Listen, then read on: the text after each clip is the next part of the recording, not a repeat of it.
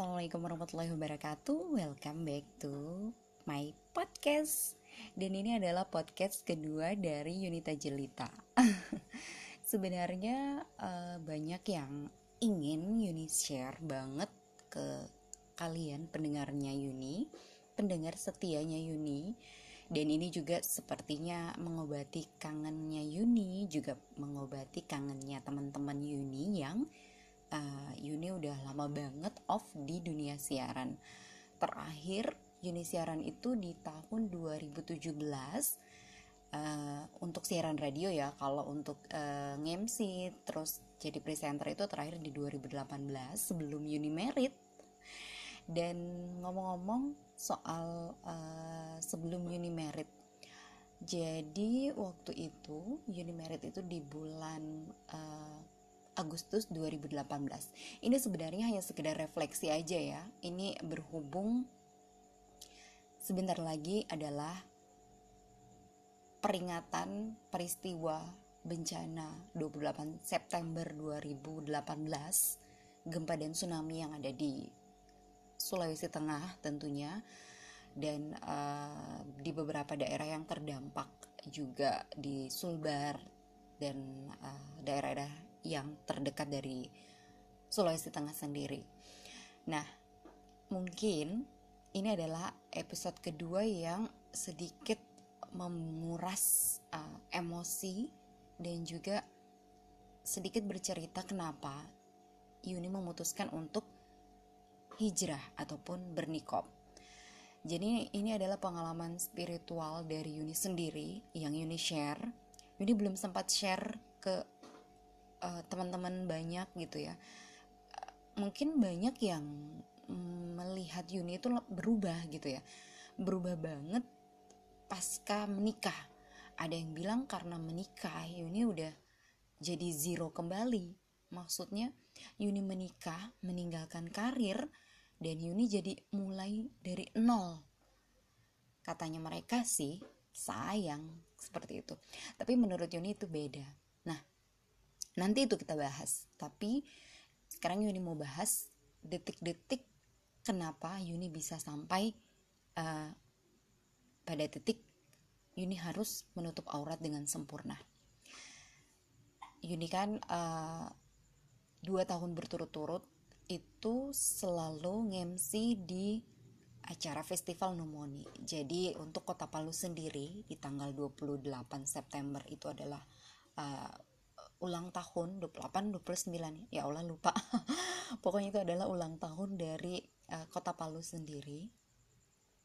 Jadi uh, Yuni sebagai anak daerah yang uh, boleh dibilang anak duta-duta lah gitu ya. Anak-anak pariwisatanya kota Palu yang sempat mengikuti event di Randa Kabilasa kota Palu. Kalau di Palu kalau di Jakarta itu seperti Abang None Jakarta jadi seperti itu. Uh, Yuni salah satunya. Ya walaupun nggak tinggi mungkin punya spesifikasi tersendiri waktu itu.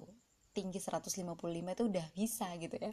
Tapi itu di tahun 2012 mulai dari tahun 2012 ke atas uh, tingginya udah dipatok 160 untuk yang cewek. Jadi ya alhamdulillah lah Yuni masih bisa masuk ke dalamnya. Untuk uh, membuat menggali potensi diri Yuni sendiri itu karena terjun di Randa Kabilasa ini dan memang uh, udah punya skill dan juga bakat terpendam tentunya. Oke okay, next saja kita bahas yang itu. Tapi Yuni mau bahas lagi. Yuni mendapatkan uh, job dua tahun berturut-turut dua tahun berturut-turut untuk festival Nomoni ya. Untuk festival Teluk Palu itu tahun sebelumnya lagi. Dan untuk MC uh, eh, waktu itu Yuni sempat uh, apa ya sempat sempat drop banget karena mungkin bukan drop banget gimana gitu ya kecewa ya kecewanya karena ini nggak dapat lagi gitu ya ini job MC di tempat uh, yang sama maksudnya untuk uh, apa ya materinya tuh kayaknya wah ini kan udah dihitung hitung hitung hitungannya udah masuk hitungan tapi kayaknya kok nggak dipanggil lagi kok kenapa gitu ya. Nah di situ Yuni sempat ngeluh sama suami terus Yuni berkata seperti ini sama suami ya Yuni berkata seperti ini. Sayang saya sepertinya nggak dipanggil lagi tuh untuk uh, bawain acara ataupun MC di event festival teluk uh, apa festival nomoni. Terus suami bilang mungkin ada uh, hikmahnya gitu. Itu katanya. Mungkin ada hikmahnya. Terus mungkin ada uh, rezeki lain.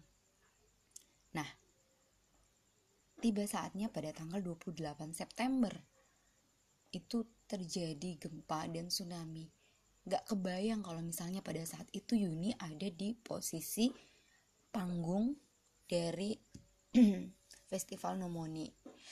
Uh, di tahun sebelumnya Yuni itu ngemsi di uh, samping di kelas. Jadi samping di kelas yang paling terdampak dan itu paling dekat dengan pantai dan itu itu ter diterjang tsunami juga. Jadi uh, Yuni nggak kebayang gitu ya kalau misalnya waktu itu Yuni uh, ada di tempat itu dan um, menjadi salah satu korban gitu ya. Uh, sebenarnya intinya yang Yuni mau kasih tahu sama teman-teman misalnya ada job yang ataupun pekerjaan apa ataupun apalah gitu ya misalnya yang kamu harapkan terus tidak kamu dapatkan itu berarti ada hikmah dari itu semua.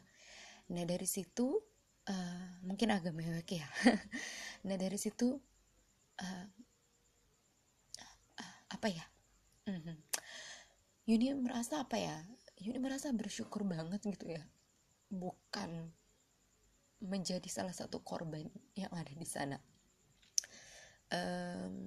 nggak um, tahu gimana gimana. Pokoknya yang jelas seperti cambukan banget gitu pada saat kejadian um, pasca tsunami dan juga gempa waktu 28 September itu. Karena kita benar-benar merasakannya benar-benar kota itu seperti kota mati banget dan benar-benar merasa seperti kiamat benar-benar merasa uang itu nggak ada harganya benar-benar merasa ketenaran itu nggak ada harganya dibanding dengan uh, pertolongan Allah gitu. Di titik itulah Yuni memutuskan untuk uh, betul-betul untuk off dan untuk prioritaskan keluarga. Waktu itu sebelum nikah memang uh, suami sempat berkata kalau menikah nanti saya maunya kamu tetap di rumah menjalankan kewajiban sebagai istri itu permintaannya. Tetapi dia berkata kepada Yuni gitu ya uh, dia bilang gini um, kalau kamu berkenan kalau misalnya kamu belum berkenan saya masih mengizinkan. Jadi dia sebenarnya tidak memaksa tapi kayaknya dia inginkan banget gitu ya. Istrinya itu di rumah uh, layanin dia jaga anak-anak dan ya begitulah gitu ya. Dan waktu itu kan pakaian dari Yuni itu masih belum belum menutup aurat banget. Dan kalaupun ngemsi itu pasti jilbabnya di atas dada banget di giling-giling lah apa gulung-gulung gitu ya pokoknya itu itu yang membuat uh, dari situlah titik Yuni harus harus banget untuk menutup aurat gitu.